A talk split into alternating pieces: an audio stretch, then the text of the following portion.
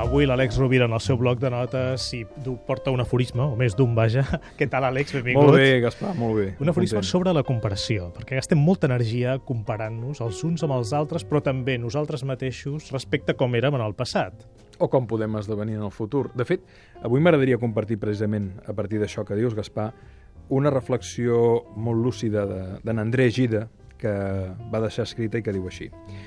Si de veritat vols ser feliç, no caiguis en la tentació de comparar aquest moment amb altres moments del passat, els quals no vas saber gaudir perquè els comparaves amb els moments per venir. Qui espera el millor que està per venir es pot perdre el bo del present.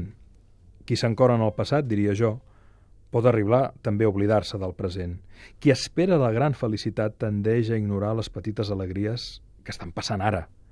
I també se m'acut quantes persones han viscut una vida permanentment angoixades per situacions que mai van arribar a ocórrer?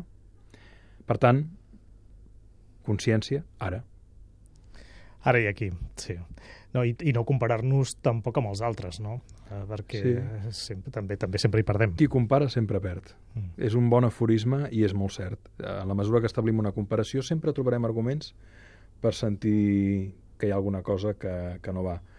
Um, en canvi, si procures estar present en allò que has d'estar, pots gaudir-ne amb molta més plenitud. Els oients que vulguin més informació la trobaran, i textos també de l'Àlex, i fotografies, eh, que li li agrada molt fer fotografies a l'Àlex, els trobaran al seu blog, alexrovira.com o al seu Facebook. Àlex, moltes gràcies. Fins Gràcies diumenge. a tu, que es fa una abraçada molt gran. L'ofici de viure amb Gaspar Hernández. Saber perdonar millora la nostra salut emocional. What a wonderful. L'ofici de viure. Un programa sobre conducta humana.